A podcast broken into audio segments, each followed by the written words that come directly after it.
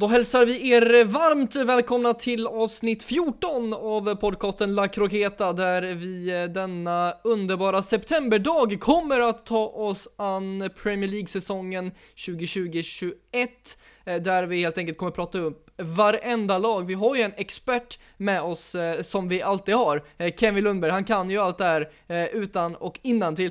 Eh, så att eh, det blir skitkul och det var ju uppskattat avsnitt också när vi pratade om eh, Premier League-säsongen, den som var senast. Så att eh, eh, där ser jag fram emot. Hur är, hur är läget med er boys? Jo, men det är bra tack. Eh, det är rullar på som vanligt här i poddlivet och har varit lite matcher uppehåll nu faktiskt. Så att det är landskamper nu och lite Nations League och sånt. Det är lite spännande med lite landslagsfotboll också. Ja, och här är det bra också. Vi är fullt laddade för det här avsnittet.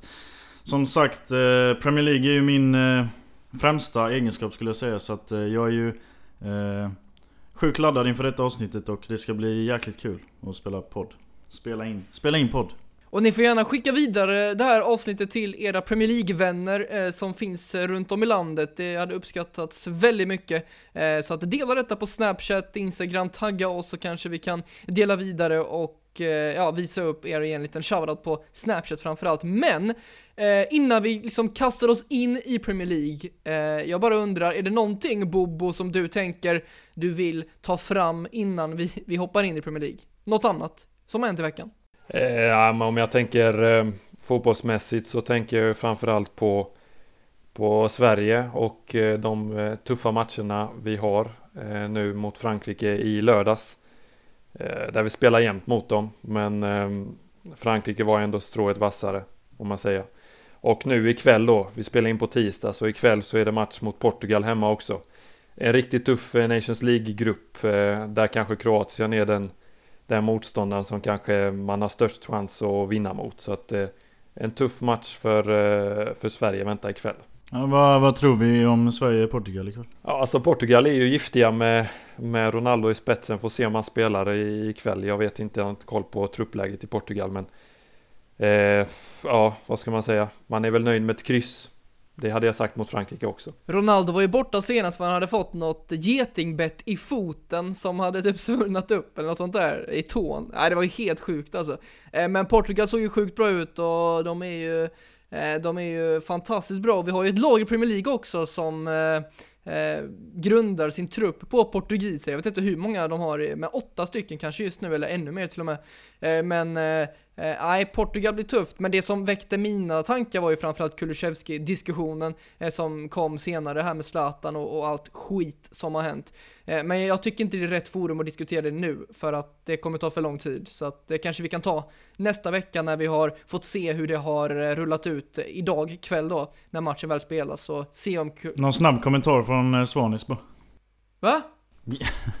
ge, den, ge den en snabb kommentar. Jaha, Jaha, jag trodde inte du hörde mig, det var därför jag var väldigt konstigt interrupt där, men eh, en snabb kommentar är ju att eh, jag har fullt förtroende för vår förbundskapten Janne Andersson. Eh, sen så kan jag absolut tycka att man kan starta eh, Kulusevski i de här matcherna. Eh, och jag tror han kommer starta ikväll. Eh, men jag har fullt förtroende för Janne Andersson. Eh, men jag tycker det var bra av Kulusevski också att, eh, att eh, liksom rikta liksom en, en chock liksom och ta upp det, för det, det visar att han är hungrig. Och lite kort också, eh, Zlatans kommentar är dum, eh, men han, han menar ju någonting som är mer viktigt egentligen, det är en strukturell, strukturell liksom rasism. Men han pekar ju på att Janne är rasist och det blir helt fel tycker jag. Så att det är dumma kommentarer av Zlatan, prata mer öppensinnat skulle jag säga. Det är kort. Yes, och eh, det här avsnittet går ju eh, som i titeln ut på att eh, gå igenom Premier League-lagen. Lite uppsnack Premier League. Eh, och vi har lagt upp det på följande vis att vi, eh, eller jag eh, då, Kevin, har tippat Premier League-tabellen 2020-2021. Och så ska vi gå igenom lag för lag, lite uppsnack kring varje lag och Eh, helt enkelt snacka igenom eh, vilka värvningar de har gjort och hur det ser ut i klubben och så vidare. Och sen även också så kör vi ett litet litet quiz för mina herrar här som jag har eh, Som jag har eh, gjort. Eh, jag har en fråga per lag eh, som vi kommer gå igenom. Så det blir lite, ett litet tävlingsformat vid sidan av eh, den här, det här uppsnacket. Så att eh, vi kör väl igång direkt. Med det laget som jag har tippat att komma längst ner. Eh, vilket är eh, det nyuppflyttade Fulham. Från eh, London. Eh, Fulham känns lite som en jojo-klubb eh, just nu. Eh, de var ju uppe i Premier League för förra säsongen, sen åkte de ner eh, och nu är de uppe igen. Och det känns lite som att de har, har flyttat lite upp och ner. Det känns lite som en klubb som är inte tillräckligt bra för Premier League, men för bra för Championship. Eh, och det går lite upp och ner sådär. De kom ju fyra i ligan förra året, eh, gick dit på det här playoffet. De vann mot Brentford i eh, finalen där på Wembley. Eh, de har inte förstärkt jättemycket på truppen, vilket man behöver om man ska etablera sig i Premier League. Eh, dock, förra gången de var uppe så kan det ju sägas att de nästan spenderade runt miljarden på en massa spelare och det gick ju inte bra kan jag säga. Eh, så att detta året har de, eh, den främsta värvningen jag har tagit fram har de lånat in Mario Lemina på ett säsongslån från Southampton. Annars ska man akta sig för Alexander Mitrovic längst fram, serben som har visat att han har kvaliteter och kan spela i Premier League. Eh, men jag tror inte att Fulham räcker till. Vad säger vi om Fulham boys? Jag kan bara flika in där eh, Lemina som är ju landsman till, till uh, Aubameyang ju. Ehm, eh, som också är Gabon. Nej, men eh, som sagt få transfers eh, eh, hittills, men fönstret är öppet knappt en månad till så att det kanske händer någonting på den fronten. En annan eh, positiv aspekt är i alla fall att Craven Cottage är tillbaka i Premier League. Kanske den mest mysiga arenan som finns eh, någonsin. Okej, okay, då har jag även en fråga till er boys. Eh, ni får skriva ner på papper så går vi igenom frågan vi går igenom svaret direkt. Eh, Så blir det lite snabba puckar här. Min fråga, Fulham. Hur många säsonger har Fulham spelat i eh, högsta ligan? Kevin, om man säger högsta ligan då är det ju alla säsonger i högsta ligan i England. Historia eh, Kanske var lite otydlig där. Eh, Det menar jag ju, men jag menar ju i Premier League. Ja, jag säger nio. Jag har också skrivit ner nio faktiskt Intressant boys. Eh, jag vet ju inte vem som får rätt för det här. För det är, inget, inget av dem är ju rätt. Så att ni båda får... Ingen får poäng helt enkelt. Eh, Fulham har spelat 14 säsonger i Premier League. Exklusive den som de ska påbörja nu då. Så att... Eh, ja. Vi klättrar uppåt i tabellen. Kommer oss vidare till ett Birmingham-lag. Vid namn West Bromwich Albion. Också nyuppflyttade. Kul att vara tillbaka eh, på The Hawthorns. Eh, också en härlig arena. Som Bobo, eh, han började prata arena innan så kan vi ju nämna den också. De har en bra Premier League-meriterad tränare i Slaven Bilic. jag tycker ändå han har visat att han är Premier League-proven, om man ska säga så. känns lite som ett tungt lag att möta. Men dock har de en alldeles för liten en för lite tunn trupp. Eh, de eh, litar ju på att Charlie Austin längst fram ska kunna göra mål för dem och han har väl aldrig riktigt visat att han är den här riktiga målmaskinen i Premier League som man behöver för att... Ja, för att stanna kvar i Premier League helt enkelt. Eh, men deras, deras bästa nyförvärv skulle jag väl ändå kalla eh, Mattias Pereira som de värvade på permanent basis. Efter att han var utlånad till klubben förra säsongen där han stod för 8 eh, mål och 16 assist på 42 matcher. Så att eh, det verkar som en bra värvning. Eh, och, men, men de har för tunn trupp. Så jag, jag flyttar ner West Bromwich direkt. Och, och, vad har du för fråga här då Kevin? Jag har inte så mycket mer att tillägga utan det låter rimligt att man skickar ner West Bromwich på, på en 19 plats som du då har sagt, satt dem på. Exakt. Och detta är lite mer en, en fråga för vad ska man säga? För de mer Premier League-intresserade personerna. Men eh, vi kan ändå se om ni kan den eller inte. Eh, West Bromwich har ett smeknamn. Hur lyder det? Eh, ja, eh, jag har gissat på The Birds, alltså fåglarna. The Birds. Ja, jag gissar på The Eagles. Alltså det är någonting med fåglar, men Albions låter ju alldeles för självklart så att något med fåglar är det säkert. Det var inga dåliga svar får jag ge er, eh, faktiskt. Men eh, de kallas ju The Baggies. Ja, okej. Okay. Ja. Eh, jag vet inte vad riktigt det ska betyda, men eh, det är, är det en fågel? Jag har Kanske ingen det. aning Kevin, jag tycker det är helt ointressant vad det är för något. Eh, men det som är intressant här Kevin, är att du på en 18 plats har skickat ner ett väldigt erkänt lag som haft problem senaste åren, Aston Villa. Varför? Jo just det, Aston Villa har ju på min 18 placering att åka ner också. Eh, Aston Villa som precis klarade sig eh, förra säsongen. Eh, ser jag inte kunna hålla sig uppe den här säsongen. Eh, det är mycket beroende på om de behåller eh, Jack Grealish, deras stjärna, eller inte. Men... Eh, nej, jag ser inte att de har den här styrkan i truppen som de, som de behöver för att stanna uppe. De har inte värvat något speciellt alls egentligen. De har Tyron Mings som är en stabil pjäs i backlinjen. De behöver en anfallare längst fram. Eh, de värvade ju in för nästan 1,2 miljarder eh, förra sommaren. Och det, det slutar inte alls bra. Eh, nu har de här spelarna fått spela ihop ett tag kanske, och det kanske kan bli bättre för dem. Ehm, och de har ju en Wesley längst framme som de värvade, brasilianan, som gick sönder. Under två etapper tror jag nästan förra säsongen, så han fick ju inte direkt spela så jättemycket. Eh, och där kan de ju ha en spelare som kan vara en liten joker och göra en massa mål för Villa. Eh, annars har de ju Trezeguet på kanten som är en stjärnspelare. Men Dean Smith, eh, den tränaren, han kan faktiskt vara en av de som ryker först. Till och med, så att... Nej, Aston Villa har jag här för att jag tycker att de andra lagen som är ovanför dem är snäppet vassare helt enkelt. Ja, det var som du var inne på också Kevin. Eh, jag har ju studerat Aston Villa lite mer. Jag och Bobo har, har tagit vissa lag där vi grottar ner oss i lite extra och eh, vad jag har sett hittills är att man endast har presenterat en enda värvning så här långt. Eh, vad jag har sett. Eh, och det är från Nottingham Forest, Matty Cash. Eh, en mittfältare som i fjol spelade eh, i då eh, Championship. Så att det är inget som skrämmer och det är inte någonting, det är inget styrkebesked i deras fönster direkt eh, och vad man har gjort och sådär. Det enda som kan rädda dem är ju då Jackie Grealish som du sa eh, i fjol, 8 mål på 36 matcher och det är väl eh, han också som ryktas kunna lämna eh, Aston Villa. Eh, så så ser jag på det. Nej exakt som du säger, de har inte värvat jättemycket. De värvar en spelare från Championship. Det kan man också tänka på att eh, de värvade ju för så enorma summa. En sån enorm summa förra sommaren. Och de var, om de skulle åkt ner inför denna då, så då hade de ju varit i ekonomisk kris eh, kan man ju lugnt säga. Så att... Eh, det är väl kanske därför de håller lite i pengarna nu. Men de behöver fortfarande spelare för att hålla sig kvar. Det är inget snack om saken. Min fråga om Aston Villa eh, lyder... Eh, hur många fa Cup-titlar har eh, Aston Villa vunnit? Eh, ja, alltså det kan vara en kuggfråga men eh, alltså jag gissar på tre. Ja, jag var också inne på en kuggfråga men jag gissar på två. Då har vi faktiskt ett poäng att dela ut till eh, serben, Bobo.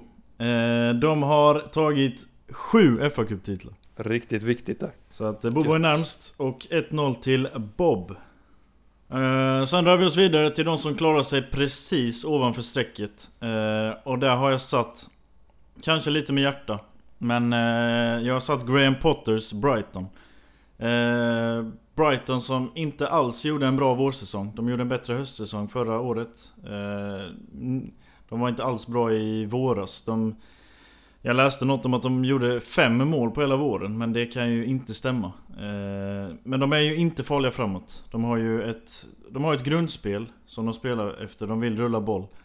Eh, och Potter försöker ju utveckla det helt enkelt. Och de har ju fått in nu Adam Lallana som är en eh, meriterad landsman på, eh, för England. Så att eh, det är ju en bra värvning. Men eh, jag tror att de kommer vara med där i bottensidan och det kommer inte skilja mycket poäng på dem och Villa i slutet. För att, eh, men jag, jag, jag tror ändå att de klarar sig framför Villa eh, lite med hjärta där för eh, svensk-engelska tränaren Graham Potter.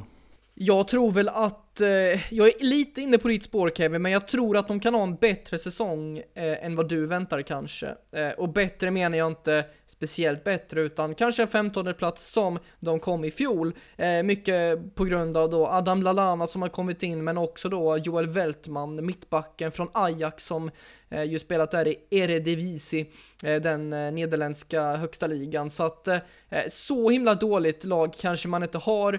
Man har några spelare här och var, men man har också, som talar för dig Kevin, att de har förlorat mycket spelare. Som Nokar, eller Nockert, eller hur man uttalar han. så att Eh, vi får se hur det går. Eh, de har lite talanger också på G. Jag, jag kollar upp här, Lars Den Donker. En belgisk spelare som gått på samma skola som Lukaku.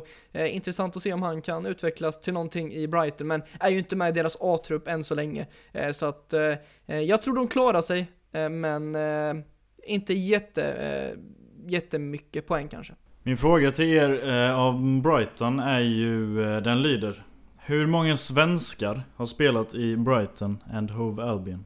Inte vilka, utan hur många?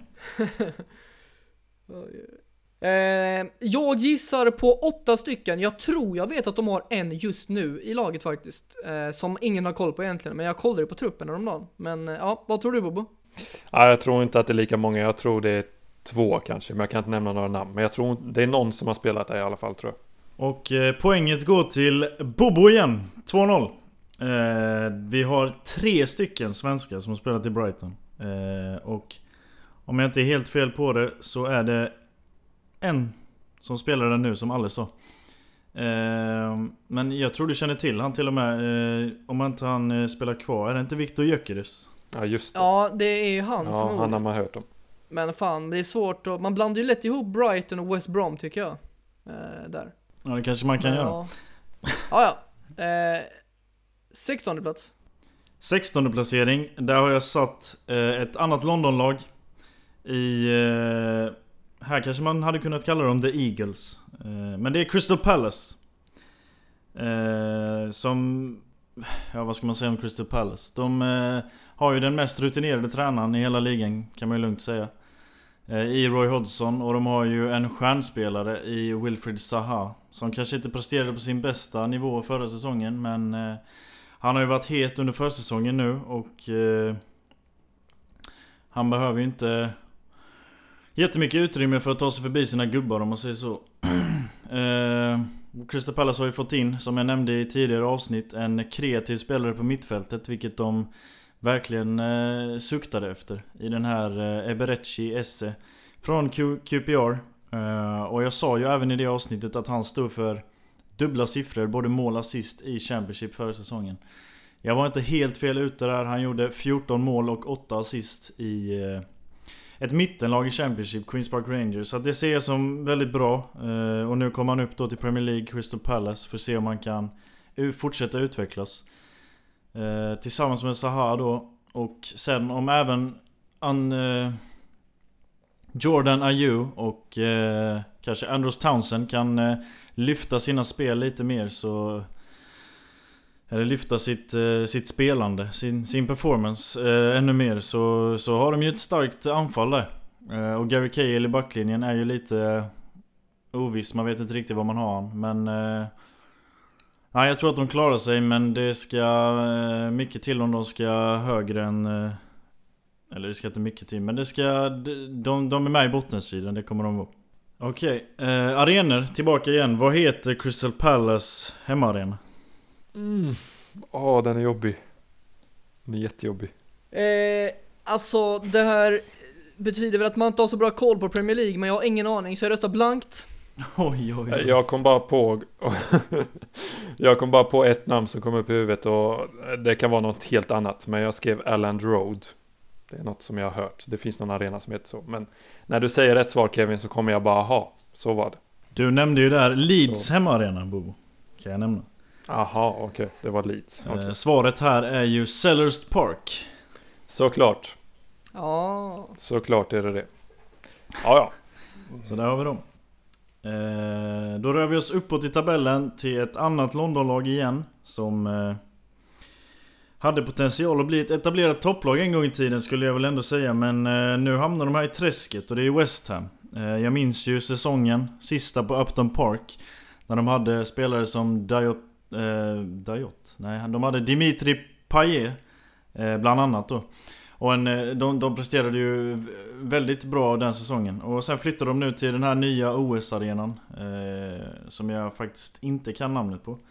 Men, eh, och då, då, skulle de ju lyfta helt enkelt, men det har ju inte hänt. Eh, och istället har de sparkat tränare lite hej vilt och eh, nu sitter de med sin bästa spelare i Michael Antonio skulle jag säga. Så att, bygg laget kring den här anfallaren skulle jag säga till dem. de har ju även Sebastian Allaire som inte har presterat kanske på sin högsta nivå ännu i Premier League. Vi kan se vad han kan göra. De har ju värvat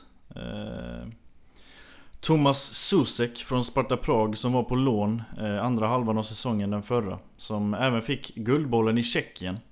Eh, så att eh, det är ju en bra tjeckisk spelare. Och tillsammans med Declan Rice på mitten så kan det ju ändå bli någonting där. Kan man ju tycka.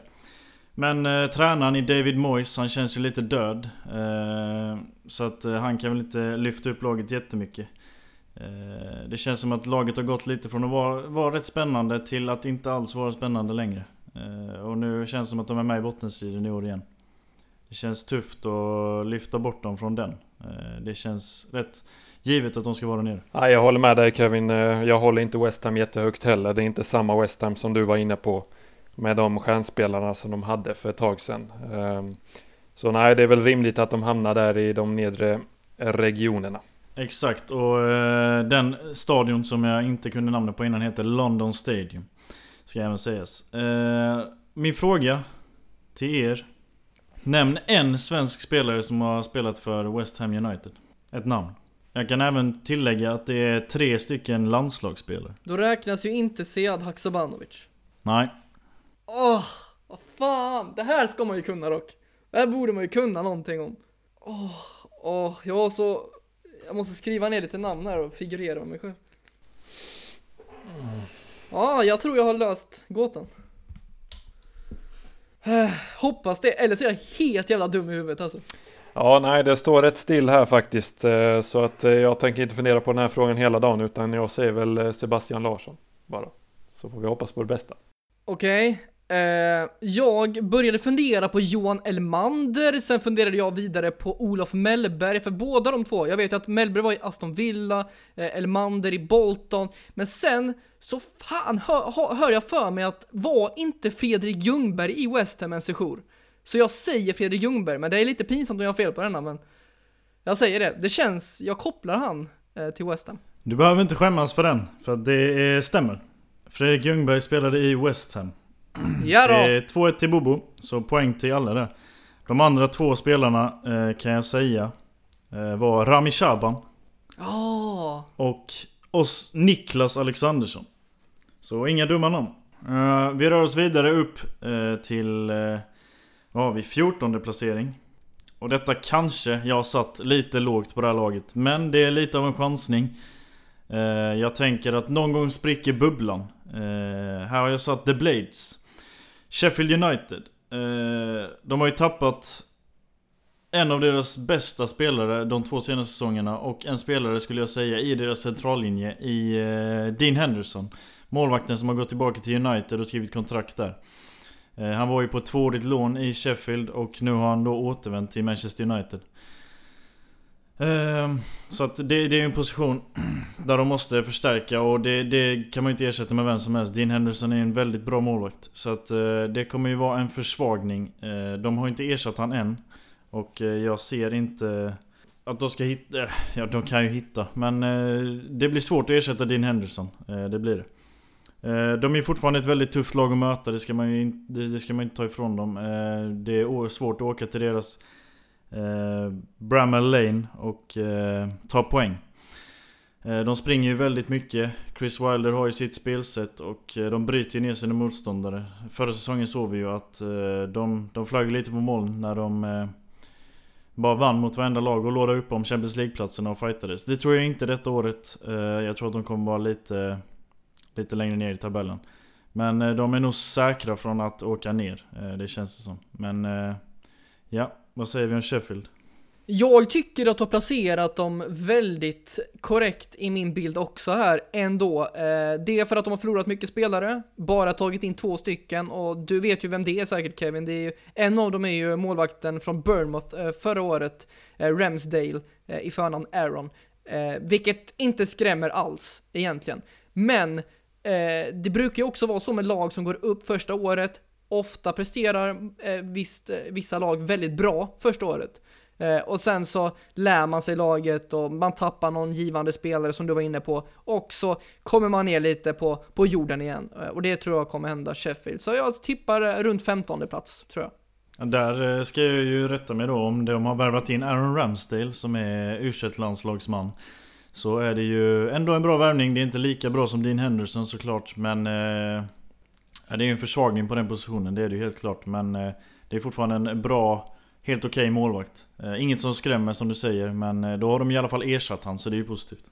Och en framtid någonstans. Vad har du för eh, fråga? Kevin? Frågan lyder Vilken är den högsta placeringen Sheffield United har placerat sig i en sluttabell av ett Premier League-mästerskap? Ja, här är det bara chansa ju. Jag tror ju, fan, jag ändrar mig. Nej, jag gör inte det. Eh, ja, men jag tror ju ändå att det var typ eh, förra säsongens resultat, så åtta kom man väl, tror jag. Eller sjua, men jag säger åtta. Jag var inne på det resonemanget själv i mitt huvud, Alle faktiskt. Jag tänkte säga vad kom de förra säsongen, för det kanske var deras bästa säsong någonsin. Men jag tänker Sheffield, det är väl kanske en klubb med mycket historia, ingen aning, men jag tror det. Så jag tror väl att de har varit uppe någon gång innan kanske. Så jag säger, jag höftar till med en femma då kanske. Okej, poäng har vi till Alle där. Eh, så det är 2-2. Eh, Sheffield Uniteds högsta placering någonsin är ju en nionde placering. Så att eh, du får den närmst. okay. Eh, det var bra gissat. Okej, okay, vi rör oss uppåt i tabellen till eh, en trettonde placering. Där jag har satt eh, The Magpies Laget från Newcastle, eh, Newcastle United eh, Kevin, innan du fortsätter nu eh, Nu ska vi snacka extremt om Extremt fin eh, hemmaarena, St. James' Park där eh, Newcastle. Men väldigt bra Jag har eh, inget att säga där, så jag sticker på toaletten så kan ni ta och diskutera Men om vi ska snacka laget Jag måste pissa alltså. Jag kommer höra idag Det är ett lag som under hela sommaren har gått fram och tillbaka med att bli uppköpta eller inte Kommer de bli det eller inte? Kommer de ha de här stora pengarna eller inte? och det verkar ju inte bli så som det ser ut just nu i alla fall Eh, annars så känns det som ett stabilt lag i Premier League. Eh, och de har ju värvat in, jag såg igår, värvade de in eh, Callum Wilson och Ryan Fraser, båda från Bournemouth. Vilket är två väldigt bra värvningar. En anfallare som eh, vi vet kan göra mål i Premier League.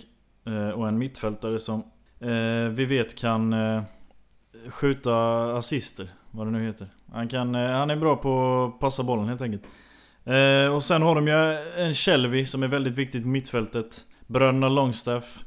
Se om de kan utvecklas ännu mer. Eh, men Newcastle i sig känns som ett mittenlag och de har ju Steve Bruce som tränare. Eh, känns väl inte jättespännande. Men eh, han har gjort ett bra jobb, det ska man inte sticka under stolen med efter Rafael Benitez där. Så att, eh, men en mittenplacering, jag känner ändå att det, det, känns bra att ha Newcastle där. Om vi ska lyfta upp någon eh, svensk här så ser jag ju att eh, om det stämmer här så är Emil Kraft med i truppen ju. Eh, inte så mycket koll på honom men eh, återstår att se hur mycket han får spela den här säsongen.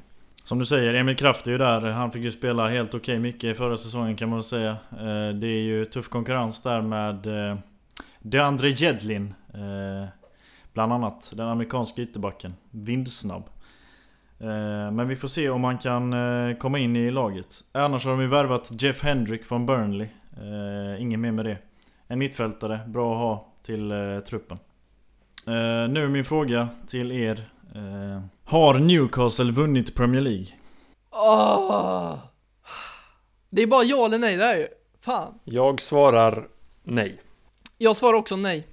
Båda får varsitt poäng, för det är helt rätt. De har som högst kommit tvåa faktiskt. Så de har ju varit nära. Men de har faktiskt inte vunnit Premier League. Eh, så... Men Kevin, de vann ju, de vann ju med eh, AA9 Skills som huvudtränare på Fifa 12 eller något kanske. Nej det var nog Fifa... Ja, Fifa 14, 13. Ja det var... Mm. Ja det minns man. Det minns man. Eh, så att, eh, men i, i, i, den reala världen så har de inte eh, vunnit än. Utan högsta placeringen är en andra plats. Okej, om vi rör oss uppåt till ett spännande lag faktiskt. Eh, Leeds United som är tillbaka i Premier League äntligen. Den här storklubben eh, som det var förr i tiden. Är tillbaka. och gör det med bravur, eller vad man ska säga. De, de eh, kom ju upp här och jag tror ändå att de kan hamna på en, en mittenplacering. En tolfteplats har jag satt dem, men det känns som ett bra lag. De har ju värvat in Rodrigo för en rekordsumma för den klubben. Eh, runt 300 miljoner kronor och sen har de ju Även en Calvin Phillips på mittfältet som har blivit uttagen till det engelska landslaget. Eh, Utan att ha spelat en enda Premier League-match. Så att han känns ju vass på mitten. Jag ska säga att jag inte kan jättemycket om laget i sig. Men det känns som ett bra lag och de har ju en... En väldigt... Vad ska man säga om den här tränaren egentligen? Men eh, Marco Bielsa, han känns ju som en eh, underlig men väldigt, väldigt smart tränare. Och han har ju förändrat hela den här klubben. Och eh, ja, jag ska säga att jag inte kan jättemycket om Marco Bielsa i sig Men jag vet ju att han har haft en sjukt lång karriär och att hans... Han sätter sig verkligen ner och inför varje match eh, läser på ordentligt om varje lag. Eh, så att han ska kunna slå varenda lag som finns där ute. Vilket han lägger ner ett eh, väldigt mm, hårt jobb och han är ju en eh, sån typ av tränare. Så att eh, nej, jag tror att Leeds hamnar någonstans i mitten. Eh, det tror jag.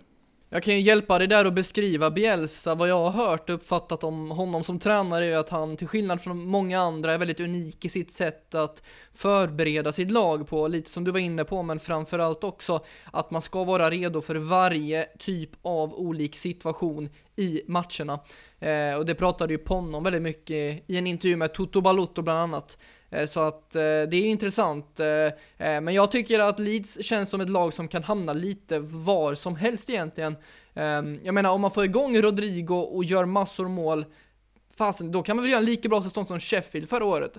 Men om man inte får ihop det här gänget, som det är ganska många nya spelare man har plockat in, ja då kan det bli tufft. Då kanske man får ligga där nere 16-17 plats och kämpa eh, om en överlevnad. Så att jag tror det är väldigt fritt och öppet här när det kommer till Leeds. Så Eh, det viktiga är ju att man fortsätter eh, få en typ av målproduktion på Bamford som eh, gjorde 16 mål i fjol i Championship. och vi pratade ju om Rodrigo tidigare här, att det kan bli flopp eller topp, eller vad man säger, men han gjorde faktiskt bara, nu ska vi se här, fyra mål under fjolåret i Valencia. Så att det är inte målgaranti, men det har vi varit inne på. så att väldigt svårt tippat lag, Leeds.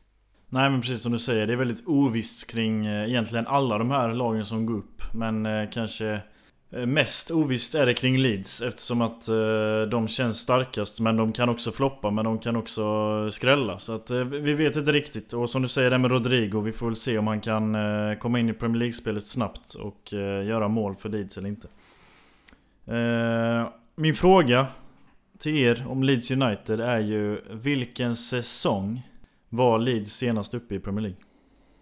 Det har man ju hört någonstans. Eh, jag har, eh, jag har faktiskt ingen 100% koll här, men jag har hört lite grann. Så att det var många år sedan och jag tippar 2001. Ja, jag tror också att det är många år sedan. Eh, jag kommer inte ihåg senast det var, så jag gissar 2006. Okej, okay, då har vi faktiskt eh, inget som är rätt. Men vi har en som är närmst.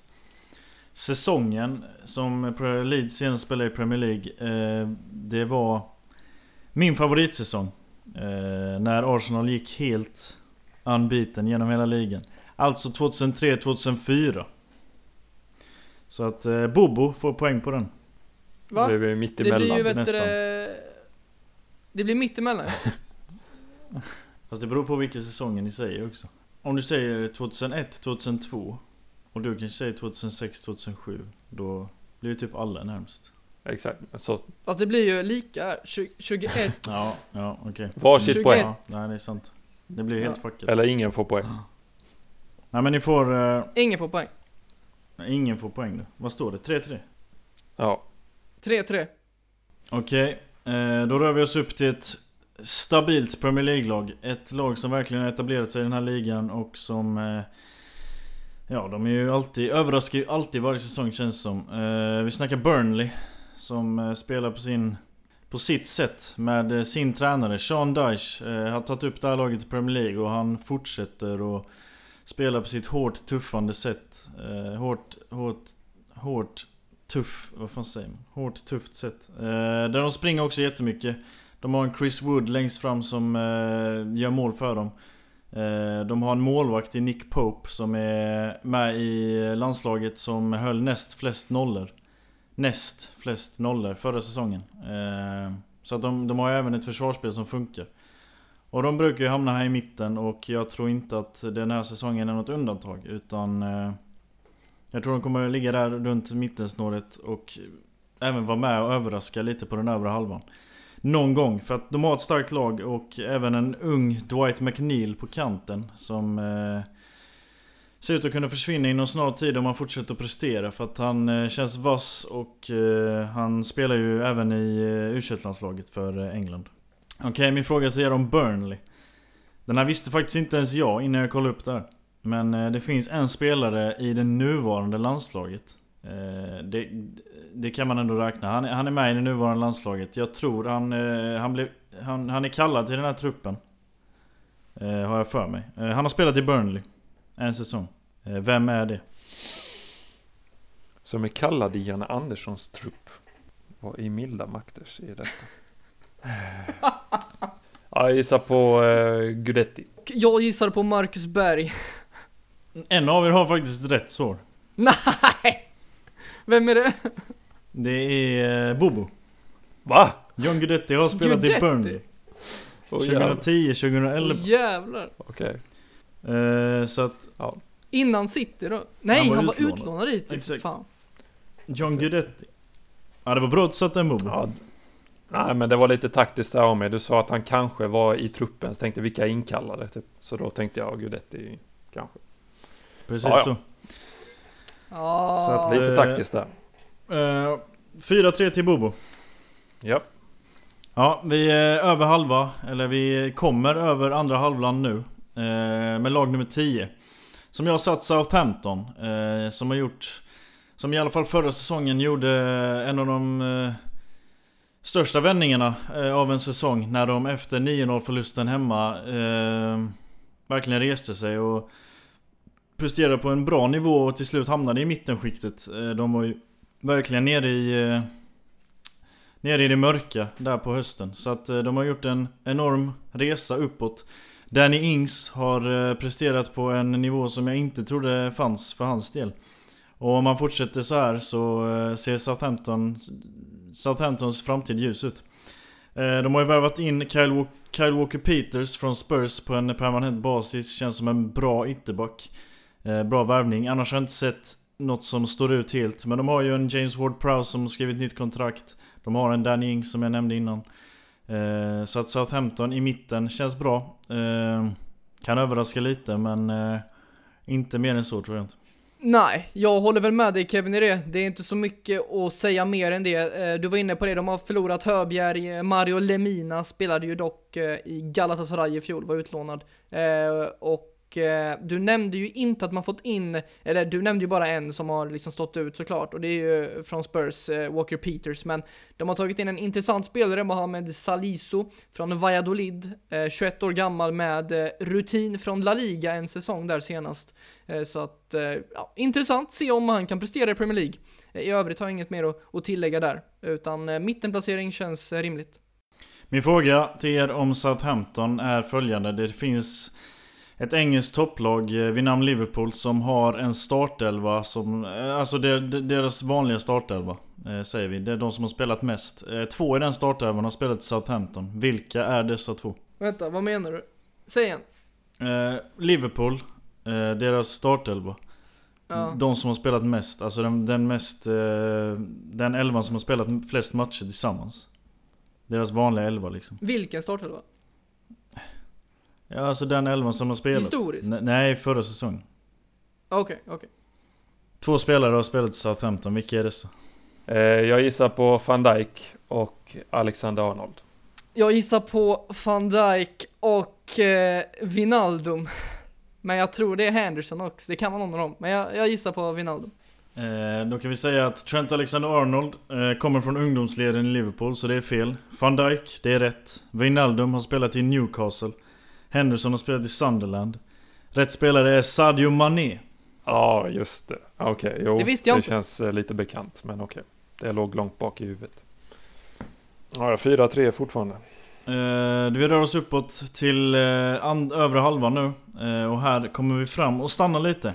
Eh, jag vill inte säga egentligen att detta är säsongens flopp. Men utifrån förra säsongen så är det ju lite av en flopp. Eh, jag har satt Leicester här.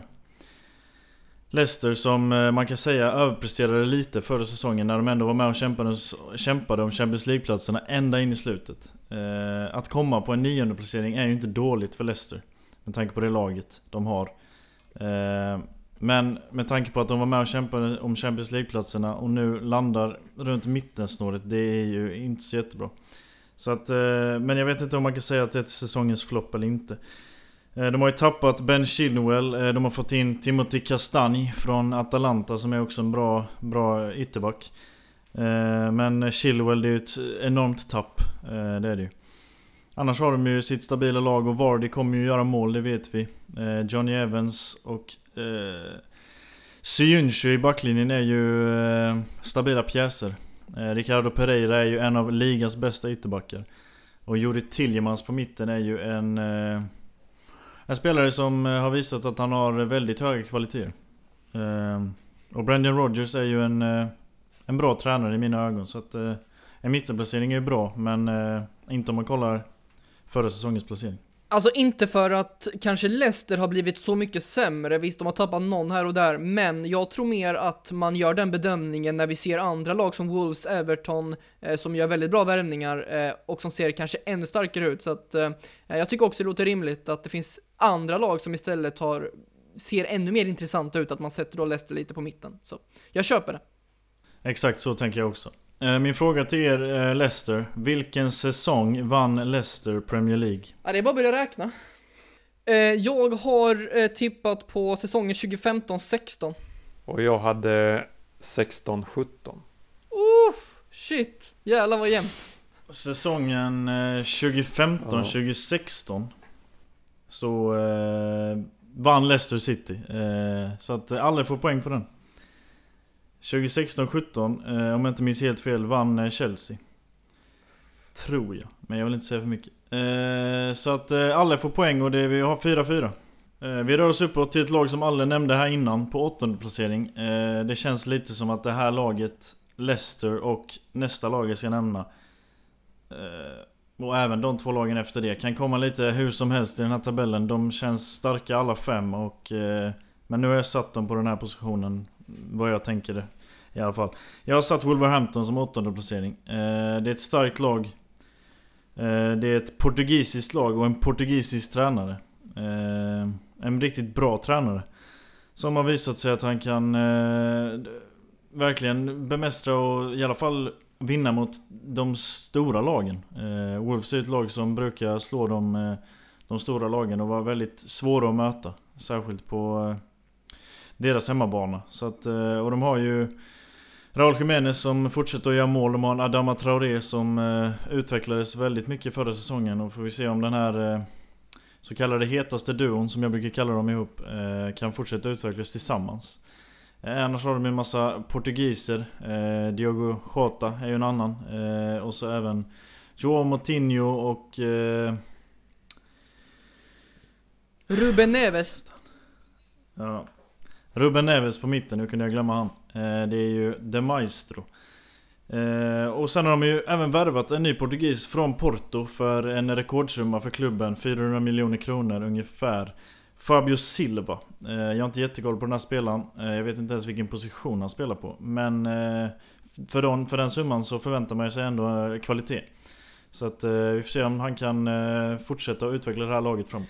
Jag är inte så säker på att det blir kvalitet från Silva direkt, eh, men det finns väldigt stor potential. Jag har studerat honom lite. Född 2002, eh, offensiv spelare, har inte koll på exakt position heller. Eh, gjorde 12 matcher i fjol i portugisiska högsta ligan, där han gjorde ett mål. Eh, och han beskrivs som att han har inte slagit igenom i Portos A-lag. Han gjorde aldrig riktigt det.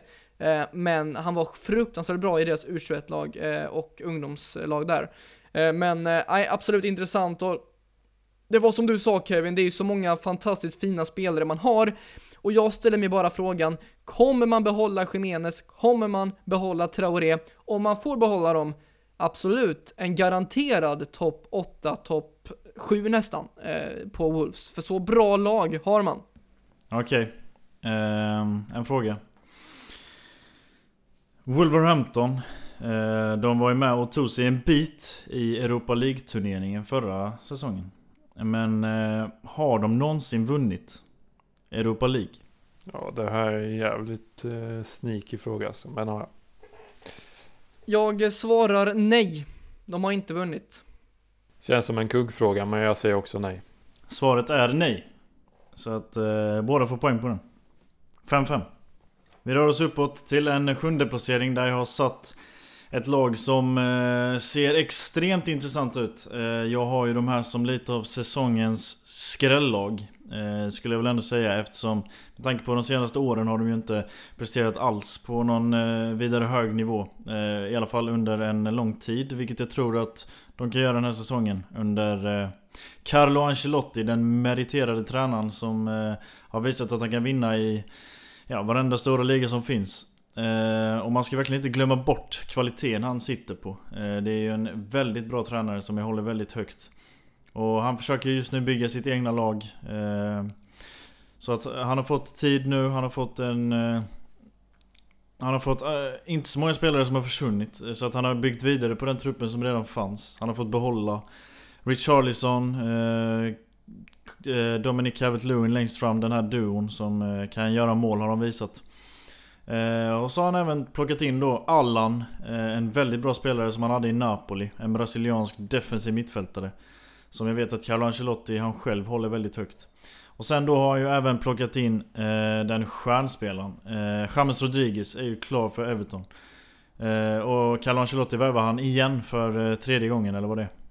Så att, eh, nej, den här spelaren vet vi att Carlo gillar och eh, James gillar att spela under honom också. Eh, Ja, det är en fantastisk värvning av Everton och de visar ju verkligen att de vill vara med och fightas igen på den högsta nivån. Och eh, vi vet vilka kvaliteter Chalmers sitter. Vi ska bara se om han kan eh, även förmedla dem i engelska ligan. Ja men tänk bara det Kevin, det är ju liksom Eh, Allan, eh, James Rodriguez, vi har Gebamin, vi har André Gomes, Walcott, Iwobi, Richarlison, Colbert Lewin. Det är klassspelare. Jag tycker dock man saknar defensivt eh, lite grann. Man har Jeremina, man har Dign eh, från Frankrike. Eh, men där saknar man offensivt och mittfältet ser väldigt bra ut. Eh, jag vill också tillägga det att eh, eh Richarlison och Calvert Lewin gjorde tillsammans 26 mål i fjol, 13 plus 13. Eh, så att eh, nej, eh, det kan gå riktigt bra för Everton. Ja, jag är enig där. Eh, Everton är verkligen superintressant för den här säsongen och eh, möjligtvis kanske de kommer ännu högre eh, om jag får sticka ut hakan och eh, säga det. Eh, som sagt, Ancelotti tror jag betyder jättemycket. En stjärntränare som har tränat många stora klubbar. Så att, ja, alltså jag vill, om jag får tippa lite med hjärtat så vill jag ha dem lite högre upp. Topp 5, kanske till och med. Ja, det var en offensiv tippning Bobo. Eh, som Alle säger där. Eh, ett mittfält som ser väldigt starkt ut med många spelare. Eh, om vi skulle kunna köra ett tremanna mittfält där med Allan, André Gomes och James Rodriguez. Så ser det ju ut som ett eh, topplag i Premier League i mitt tycke. Om de får ihop det också så eh, känns det ju väldigt vasst. Och då kanske de även kan nå den här femteplatsen som Bobo snackade om. Men eh, jag tror verkligen inte det. Eh, när vi ändå snackar placeringar. Vilken eh, är den högsta placeringen som Everton har placerat sig i den engelska Premier League? Jag säger fyra. Jag har också svarat fyra faktiskt. Det där är ju sinnessjukt bra jobbat, för båda har rätt. Fyra är det högsta Everton har kommit. Fan vad bra Bobo! Eh, väldigt bra jobbat. Vad fan är det som händer? Eh, fyra var det första som kom upp i mitt huvud. Så jag bara okej, okay, men kanske fyra. Typ. Ja men det känns rimligt så. Man skulle kunna sätta dem tvåa, men bara nej fan inte i Premier League, exakt. alltså genom nej, 20 exakt. år nu. Men fyra, det kan de någon gång fan ha fixat. Ja, nej det är bra. Helt rätt. Säsongen var 2004-2005, för den som eh, undrar det. Sen kommer vi upp till eh, både en sjätte placering och en femte placering. Vi tar sjätte placeringen först. Eh, den här är ju... Just den här placeringen är väl den svåraste i mitt tycke. Jag har ju tippat med hjärtat. Kan jag ju säga. Så jag har ju satt våra Node London-rivaler under oss. Eh, Spurs på en sjätte plats. Som sagt väldigt svårt att säga. Eh, det känns som att de tre lagen som jag nämnde under även kan fightas om de här två platserna. Eh, så det, det, är väldigt svårt. Men eh, Tottenham har ju sitt lag. Eh, Harry Kane är ju en utpräglad målskytt. Eh, Jong Min Son är ju en väldigt bra spelare.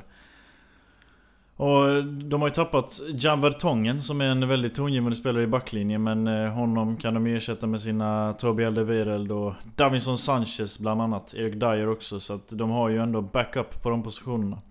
Även fast han var en, eh, en spelare som spelade med hjärtat och har varit i klubben länge. Eh, vad ska man säga annars? Eh, de har ju värvat Matt Doherty från eh, Wolves och Pierre-Emil Hojbjerg från Southampton. Två spelare som breddar truppen och eh, gör så att, eh, ja, så att truppen blir större. Inget mer än det, eh, skulle jag vilja säga. Eh, Mourinho kanske kan överraska ännu en eh, gång, men eh, det, det får vi se. Det är nästan så jag är lite sugen på att skicka ner Spurs ännu en placering. Alltså, man skrämmer ju inte någon med de värvningar man gör, som vi var inne på i Silly-avsnittet där, som ni kan lyssna på om ni vill höra lite mer om vad som ryktas i fotbollsvärlden, men um, nej. Uh, Spurs ligger bra till där tycker jag. 6, 5, 7, 8, någonstans där. Okej, okay, frågan om Tottenham. Uh, har Tottenham någonsin åkt ur Premier League? När det har hetat Premier League? Alltså jag gillar inte ja nej-frågor alltså. Uh, vi ska ju inte motivera de här svaren egentligen, men jag har hört något från Niva någon gång. Att det var jävligt tuffa tider för Spurs där på 90-talet.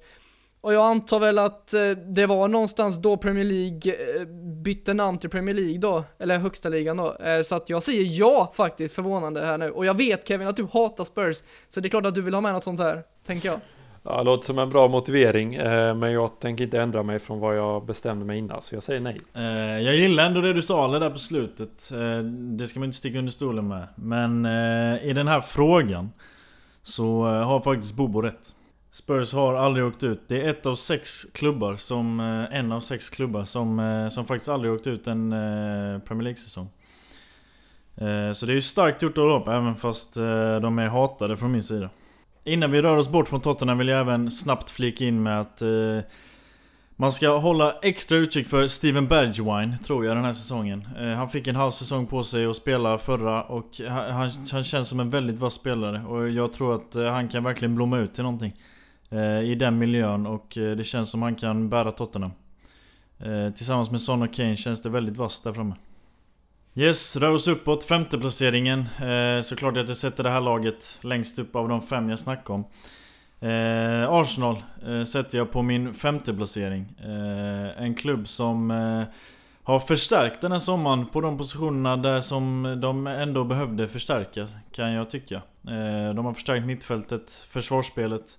De har än så länge hållit kvar i Aubameyang och det känns som att han kommer skriva på kontrakt Även för några fler år. Så det känns ju positivt kring klubben och Arteta har ju verkligen eh, fått lite tid nu att eh, bygga sitt lag Precis som Carlo Ancelotti jag var inne på innan där eh, Och Arsenal slog ju Liverpool i en eh, försäsongsmatch kan man väl ändå kalla det i Community Shield. Eh, och man tar med sig FA-cupen, också den, in i den nya säsongen. Så två titlar bär man med sig på sin rygg. Så det, känns, det känns som det är positiva vindar runt klubben just nu i alla fall. Får vi se om eh, de här spelarna som de har tagit in kan prestera bättre än vad eh, försvarsspelarna har gjort innan. Framförallt då försvarsspelarna. Eh, och sen Aubameyang är ju en... Eh, även han en utpräglad målskytt. Så att eh, han kommer ju också sätta dit några bollar för klubben. Eh, annars så... Danny Ceballos. Eh, de, de, de, om vi ska ta värvningarna så, så känns det väl inte som att någon är riktigt... Det känns som att någon är bättre än den andra. Eh, Danny Ceballos är tillbaka från, på lån även nästa säsong också. William har de tagit in gratis och så den här... Eh, mittbackarna då är William Saliba och Gabriel eh, från Lille. Eh, ingen sticker ut mer än den andra tycker jag, utan det är bra spelare på hela, hela bunten är bra spelare. William tror jag kan komplettera bra med eh, Auba och Lacazette. Eh, gjorde ju nio mål förra säsongen, eh, William, så att det är ingen dålig spelare man alls tar in där. Eh, sen är det bra att man gör sig av med Miktarian, såklart att han skriver på för Roma, förvånar ju ingen egentligen. Det var samma sak med Pedro som väl stack till Roma. Eh, så att det, det känns ju bra för Arsenal. Eh, men den frågan man ställer sig lite är ju vad händer med Nicolas Pepe och hur kommer han att eh, göra sig nu den här andra säsongen i en eh, engelsk miljö? Han måste man få igång, ehm, annars tror jag det kan sluta som vanligt för Arsenal. Ehm, och jag skulle också innan vi går vidare vilja säga att jag tror att Arsenal, Spurs, Everton, Wolves och Leicester eh, gör upp om de här fem, eh, nionde till femte platsen. De, de är helt öppna egentligen. Eh, och sen har väl Arsenal och Spurs lite favoritskap med tanke på deras dignitet och, och stora klubbmärken man bär runt på, men eh, jag tror inte det är så säkert att vi ser ett Arsenal på en femteplats. Nej jag håller ju med dig där, du säger det som jag sa att eh, det är helt öppet på de fem lagen. Det känns också så. Så att eh, vi får se helt enkelt vad som händer. Men eh, den här placeringen har jag satt i alla fall nu från början. Eh, då har vi en fråga till er angående förra säsongen. Eh, eller lite, man får tänka lite matcher bakåt i tiden här nu. Eh, Arsenal brukar ju vara ett väldigt svagt motstånd mot topplagen. Men eh, senast de har mött, mött de här... Eh, vad ska man kalla det? De, nu är det alla turneringar inräknade. Eh, och, och så de här sex, fem, fem lagen som är Eh, lika stora som Arsenal i Premier League kan man ju säga. Eh, så Arsenal har förlorat en av de fem matcherna på de senaste. De mötte de lagen. Mot vilka eh, var det? Då snackar vi topp 6-lagen då. Exakt, Arsenal är inräknat som ett av lagen så då räknar jag ja, matcherna fattar. mot de andra fem. De förlorade bara en alltså förra året mot de här? Nu räknar jag inräknade turneringar och senaste matcherna. De möttes. Vadå senaste matchen? Vadå, så du räknar inte alltså alla matcher mot de här lagen förra säsongen? Nej, jag räknar, vi säger, jag räknar senaste matchen mot Liverpool, senaste matchen mot City, senaste matchen mot United, senaste matchen mot Spurs, ah. senaste mot Chelsea. Vi har förlorat en av dem. I alla, I alla tävlingar? Ja. Eh, kort och gott, jag gissar på eh, City. Jag, jag tror inte det är City Bobo, för... Eller och, okej okay, nu kan jag, jag ska inte hålla på och snacka sånt skit. Men jag tror det är Chelsea i alla fall. För jag kommer ihåg när Lampard vann borta på Emirates. Jag vet dock inte om det var senaste matchen. Så det är jävligt oklart. Svaret är Tottenham. Men... Eh, ja, ja, fan vilken invecklad fråga. Okej, då rör vi oss upp till det intressanta med hela den här... Eh, uppsnacket kan man väl säga. Topp 4 då. Vilka kommer hamna på de här topplaceringarna? Och längst ner på de topp 4 har jag ju ett lag som har värvat väldigt starkt eh, Kan man väl säga Men inte mer än de som är över kanske eh, Manchester United eh, ett, eh, ett lag med ett... Eh, ja, jag vet inte. Det känns som ett stjärnspäckat lag som ser väldigt spännande ut. Och nu när de fick in den här holländaren Donny van de Beek också så ser ju mittfältet helt sanslöst bra ut om de får till det. Eh, känns lite offensivt kanske men... Eh, eh det, känns väldigt eh, stabilt i mittfältet och anfallet vet vi ju med Marcus Rashford och Martial. Det enda United kanske hade behövt är väl en, en mittback snackar många om. Tillsammans med Maguire. Att Lindelöf ska bort helt enkelt. Och jag vet inte. Eh, Lindelöf med svenskhjärtat så ser man ju att han är en bra fotbollsspelare men han kanske inte håller den där högsta högsta kvaliteten så att det är väl det enda då. Eh, men eh, jag tror att United kan komma fyra även med Lindelöf i backlinjen. Så att, nej det känns som ett bra lag. Och eh, vi får väl bara se om eh, Maguire och Lindelöf kommer till spel båda två. Topp 4 tror jag absolut är rimligt för United, eh, men eh, om man ska upp om titeln, då krävs en eh, Dayot Opamecano exempelvis i backlinjen tror jag. Jag tror inte att Lindelöf håller för titelrace eh, faktiskt. Men eh, absolut, United är starka. De kan nog ta en eh, och, och fightas ganska länge, men kommer nog droppa av efter ett tag tror jag. Min fråga om Manchester United lyder, eh, vilken var Sir Alex Fergusons sista säsong in charge? Alltså vilket var hans sista säsong som han var tränare för laget? Jag tror säsongen 2012-13 och då tror jag att United vann också. Ja, eh, jag har ju skrivit samma. Ja, det är korrekt båda två. 12-13 är rätt och de vann ligan 100%. Vad står det? 8-7 till eh, Bobo.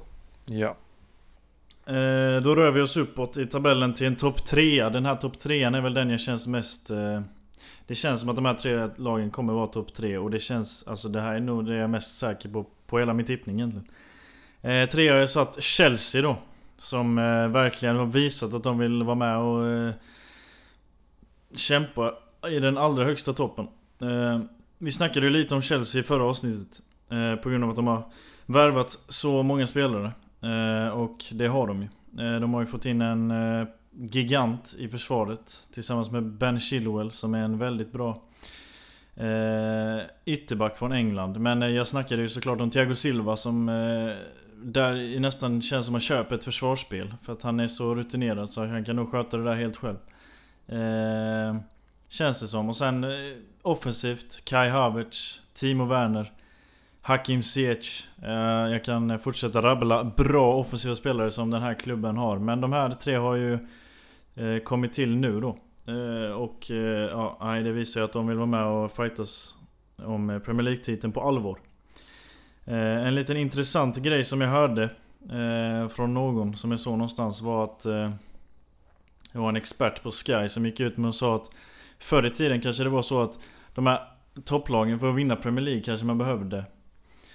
Eh, man kanske räckte med, man hade 80 poäng så vann man Premier League. Men eh, med tanke på hur det ser ut nu med Liverpool och City som är så pass vassa och gör så pass mycket mål Så krävs det nästan 80-85 Eh, nej inte 80, 85, 86, 87 poäng för att vinna ligan. Och det är ändå en höjning. Och... Eh, jag vet inte om Chelsea kan nå den toppen. Jag tror inte att United kan komma upp i den totala mängden. De kanske kommer till 75-80. Men eh, Chelsea är väl det laget som jag skulle säga av resten av de andra två. Eh, som kan ändå nå den toppen och har potentialen för att eh, komma ända upp. Jag tror också att eh, Chelsea har större chanser än United, men när vi pratar så här 87 eller 85 poäng eller vad det var, det är jäkligt mycket det med alltså. Eh, så jag tror att eh, Chelsea ska vara nöjda om man får ihop det här laget nu. Det ska ändå ihop också. Det är mycket nya spelare. Så jag säger 70 plus poäng på, på Chelsea är vi garanterade den här säsongen. Eh, men jag tror inte att man kommer upp på vad jag tror 90, 95, 100 poäng, vilket City och Liverpool förmodligen kommer ligga någonstans. Ja, nej, jag kan ju bara flika in med att jag håller med er båda två. Eh, Chelsea har ju värvat hem många spelare och det ska bli eh, intressant att se hur de får ihop det här.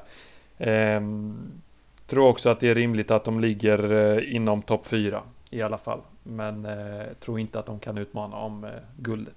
Min fråga om Chelsea. Eh, vad heter spelaren som har gjort flest mål för dem i eh, Premier League någonsin? Ja, det är ju mellan eh, ett par spelare här.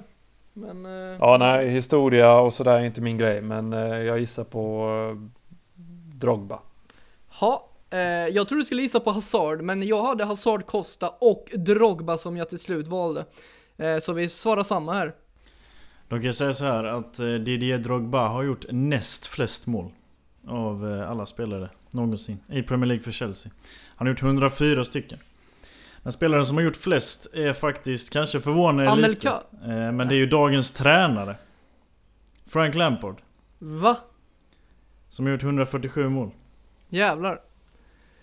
Det är Frank Lampard som står på den tronen. Så att och när vi ändå snackar Lampard, känns som en eh, spännande engelsk tränare, kanske den mest spännande just nu. Och eh, Det känns som att han verkligen eh, kan få ihop den här gruppen om någon. Och eh, i så fall så, eh, om vi snackar de här 90 poängen så Ja det är fullt rimligt att ha det som ett mål i alla fall. Okej, topp två. Eh, Kanske det svåraste att välja mellan de här två. Eh, det svåraste valet en av de här kommer ju vinna ligan, det känns rätt eh, givet. Eh, nu när jag även snackar Chelsea dock, de kommer blanda sig i. Men jag tror ju att en av de här två vinner. Eh, och jag har ju satt... På andra plats har jag ju satt Liverpool då. Kanske till mångas förvåning.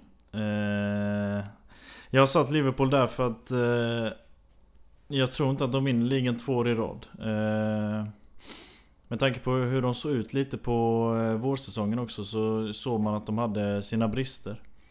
Eh, och jag tror att City till slut kan ta dem. Men det kommer bli jämnt och det kan gå hur som helst. Och jag kan ha helt fel också. Eh, det enda jag är säker på är att de här två lagen kommer vara längst upp eh, i slutet. Det tror jag sannerligen.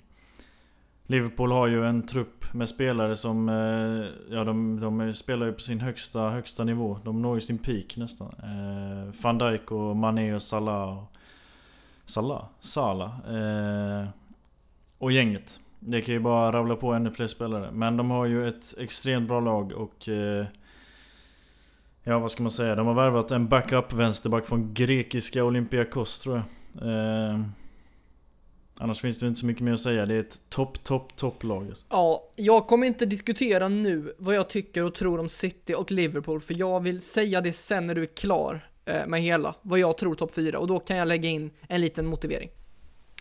Eh, Okej, okay. men eh, ja, vi är väl alla överens om att det är ju mellan City och Liverpool det står mellan i alla fall. De kommer komma etta och två. Så är det helt enkelt. Okej, okay, min fråga är Liverpool då. Eh, jag har ändå kört lite av ett svenskt tema på det här quizet så vi kan väl lika väl fortsätta med det. Eh, en spelare som inte jag visste har spelat i Liverpool.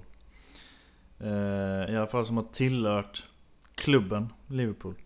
Det står även att han har tillhört Ja nu står det här att han har tillhört som U-spelare Så han har inte direkt fått A-lagskontrakt Men han har ju varit med i ungdomsakademin i alla fall Det är en spelare som eh, vann Allsvenskan Förra säsongen um, Vem är detta? Ja! Nu måste vi ju tänka som in i helvete Får man, får man inte ta upp Djurgårdens trupp? det får man göra Alltså bara Ja, fy fan. Nu får man ju sitta... Men kolla inte på någon historik, Bobo. Vem fan ska av Djurgården spela? Nej, ingen aning eh, faktiskt. Men eh, jag gissar på Fredrik Ulvestad, kanske? Nej, ingen aning. Och jag gissar på Jonathan Augustinsson och vi har ingen aning om Bobo här så ni vet det. Bobo är så svensk spelare. Jaha, det failade jag redan på den, men okej. Nej, det, var... det är sant. Nej, vem är det? Det är ju eh, Astrid Ajdarevic. Va? Okej. Okay. Okej. Okay. Men han spelar ju inte... Okej okay, Jaha, jo, då. han, han spela för säsongen. Han var med och vann SM. Ja, det är sant, sant, sant, sant. Det hade varit för enkelt om jag hade sagt Ja, det är bra. Med svensk spelare så väljer man Fredrik Undvest som är norsk. ja, ja, skitsamma. Um. Ja, då kommer vi längst upp. PL-titeln. Jag tror att det är... Eh, ja, vem det är nu som lyfter den. Jag vet inte ens vem som är kapten i City, men det kanske är... Nej, jag vågar inte uttala mig om det. Eh, Manchester City då. Eh, som eh, jag tror vinner ligan. De har ju fortfarande, eh, även fast tappet av eh, nu då, tre fjärdedelar av deras centrallinje eh, som de hade året 2012 när de eh, vann ligan första gången. Så har vi ju bara Agüero kvar av den eh, centrallinjen. Company, Joe Hart, David Silva som jag ändå räknar in där har ju alla lämnat klubben. Agüero är kvar och eh, han kommer ju spruta in mål den här säsongen också. Om han håller sig skadefri så blir det väl ännu mer. Men jag tror att han, han behöver inte jättemånga lägen för att sätta dit bollarna. Han är en sylvass anfallare. Eh, och bakom honom har de ju en Kevin De Bruyne som kommer servera bollarna på silverfat till allihopa. Ligans bästa spelare i mina ögon. Det enda frågetecknet jag har kring Manchester City är väl försvaret då. Eh, jag såg, sågade gjorde jag inte men jag... Eh, jag var lite fundersam kring värvningen av Nathan Ake då från Bournemouth. Som kanske jag inte tror på är eh, det som City behöver i sitt försvar. Men de har ju länk de har ju varit väldigt länkade, eller vad man ska säga, med Napolis mittback eh, Koulibaly.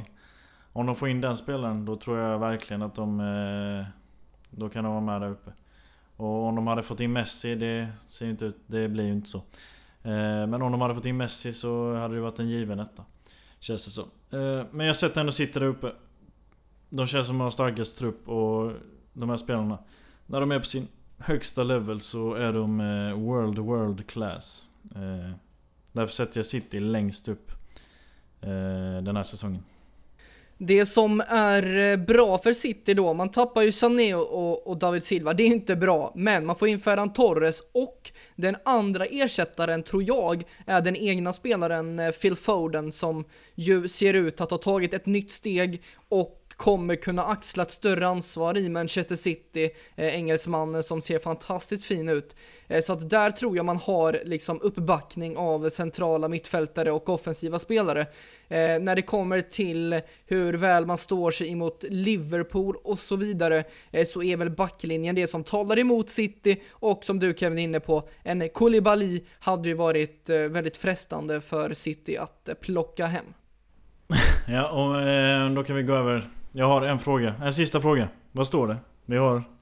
Jag måste ta en poäng här. 8-7 till Bobo. Eh, och den här frågan, den kommer man sätta om man har koll på eh, Premier League historia. Eh, inte så gammal historia men ändå eh, man, man, borde ha koll på detta. Men det är fortfarande lite intressant fakta. Eh, det är en spelare som har spelat i City som under sin tid eh, slog en assist under hela sin tid han var där. Han slog en assist. Eh, och den assisten vann titeln för hela klubben. Vem är spelaren som slog den assisten? Och jag kan göra det lite enkelt för er eh, om ni glömde det. Men de vann, vann ju sin första titel 2012. Ska bara kolla så ni var med. Jag gissar på Joe Hart. Och Svanis gissar på Mario Balotelli. Agüero! Hoppas det är rätt. Svanis, det är ju helt korrekt. Mario Balotelli. En yes! assist under hela sin session. Och det är till det där målet. Bobo vet jag inte vad han är ute och cyklar om. Uh, Joe Hart. Jag tänkte att en målvakt gör väl aldrig assist så jag tänkte väl... Jag tror du förstår vilket mål vi snackar Men... om här. Men uh, kanske det mest dramatiska under hela Premier League-eran. Uh, Ja, jag kommer ihåg det. Eh, men jag visste inte att det var Balotelli. Jag tror du blir lite lurad i huvudet Bobo, för du tänker väl när man tänker en assist. Han sa, Kevin sa ju inte att den här spelaren inte har gjort några mål. Eh, så det tänkte jag bara, Balotelli gör ju mycket mål, men han... Eh, men sen kommer jag ihåg målet också fan. Nej, det är sant. Så.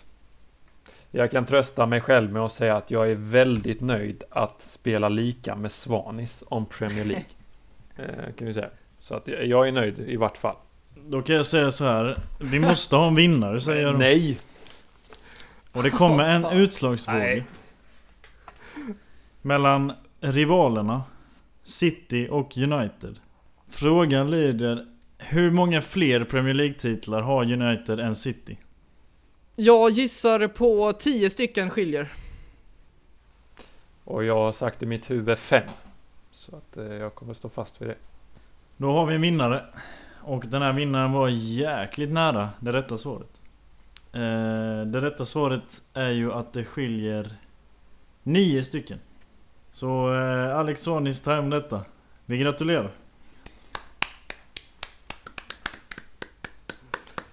Ja, grattis. Nej, det var bra match Bobo. Underbart. Bra match Bob. Ja, det var starkt. Ja, Bobo satte någon omöjlig fråga där också så att... Ja, ja. Men om vi inte ska prata om quizgrejer, vilket egentligen är helt orelevant i sammanhanget, så vill jag påpeka att jag skulle kunna göra en ändring i din topp 4, Kevin, annars är jag helt överens med dig. Men det är ju den frågan, Liverpool eller City? Om nu Liverpool, detta är ju bara om då, men jag tror att man kommer få in Thiago. Och om man då får in Thiago, då tror jag att vi har Liverpool som vinnare för andra året i rad, eh, faktiskt. Eh, men det är bara en magkänsla just nu eh, jag har. Eh, men jag hoppas på City faktiskt, tror jag. Ja, Bobo. Ja, jag kan ju bara flika in mitt också, jag behöver inte motivera närmare. Men jag håller med alla faktiskt. Jag tror också att det blir Liverpool eh, denna säsongen också som vinner. Men i övrigt så är jag helt enig med Kevins tipp också, bland de topp fyra. I alla fall. Ja, då tror vi alltså att det är, det är United, Chelsea. Jag sa topp 4. Jag sa eh, Everton topp 5. Så de kommer femma. Oh. Intressant. Ja, eh, ja men det är bra. Champions League-platserna går till de lagen det gick till den här säsongen. Blir det ju. Nej, eller va? Jo, det stämmer. ja, det stämmer. Ja, men eh, det känns så ja. Eh, men nej, som sagt Kevin, som du sa, det kan sluta hur som helst där uppe i toppen. Eh, men med de orden så får ju ni andra också skicka in era tips till oss om ni har lyssnat ända tills nu och orkat göra det. Eh, det är starkt av er i sådana fall. Eh, jag har ingen aning hur långt det här blev faktiskt. Men vad ni bör veta, oj, hicka, är ju att vi tänker ju ganska mycket på de här frågorna som ställs, så att det är inte så, det kommer ju klippa snabbare för er som lyssnar på det, så ni vet det, ni som har lyssnat nu. Eh, så ni inte tror att vi är så snabba eh, på, på allt. Men eh, har du något mer att säga Kevin, du som har hållit i den här tippningen? Nej, inte mer än att det har varit en kul utmaning att få tippa den här ligan. Min favoritliga då. Och utveckla sina kunskaper inom ämnet. Och verkligen brotta sig ner i alla lagen. Eh, och få en liten förståelse. Så det har varit kul att eh, hålla koll på det eh, i en vecka nu. Så får vi se vad vi snackar om nästa vecka. Men jag tycker att ni ska ha en stor eloge för era svar på quizen. Det var inga lätta frågor jag ställde ut med och det var bra svar rakt igenom tycker jag. Det var väl någon hit och dit som var lite orimlig men annars var det bra så att... Nej, det ska ni ha eloge för. Och nej, det var kul. Och om ni vill se hela tippet så ska jag försöka lägga upp det i sitt sammanhang, i, eh, eller i hela då, liksom, så man ser alla lag i tippet eh, på eh, min Snapchat. Så kan ni följa där, Alex Vanis heter jag där. Eh, så att eh, man ser, för nu har ni bara lyssnat, men det kan vara kul att se den också framför er. Eh, men med de orden så tackar vi för att ni har lyssnat och ha en fortsatt eh, jäkla trevlig septemberdag. Eh, så vet ni ju hur det har gått för Sverige, för jag ska se på Sverige ikväll. Det är garanterat. Eh, bra jobbat boys! Bra jobbat! Bra jobbat! Tack för Gött. det!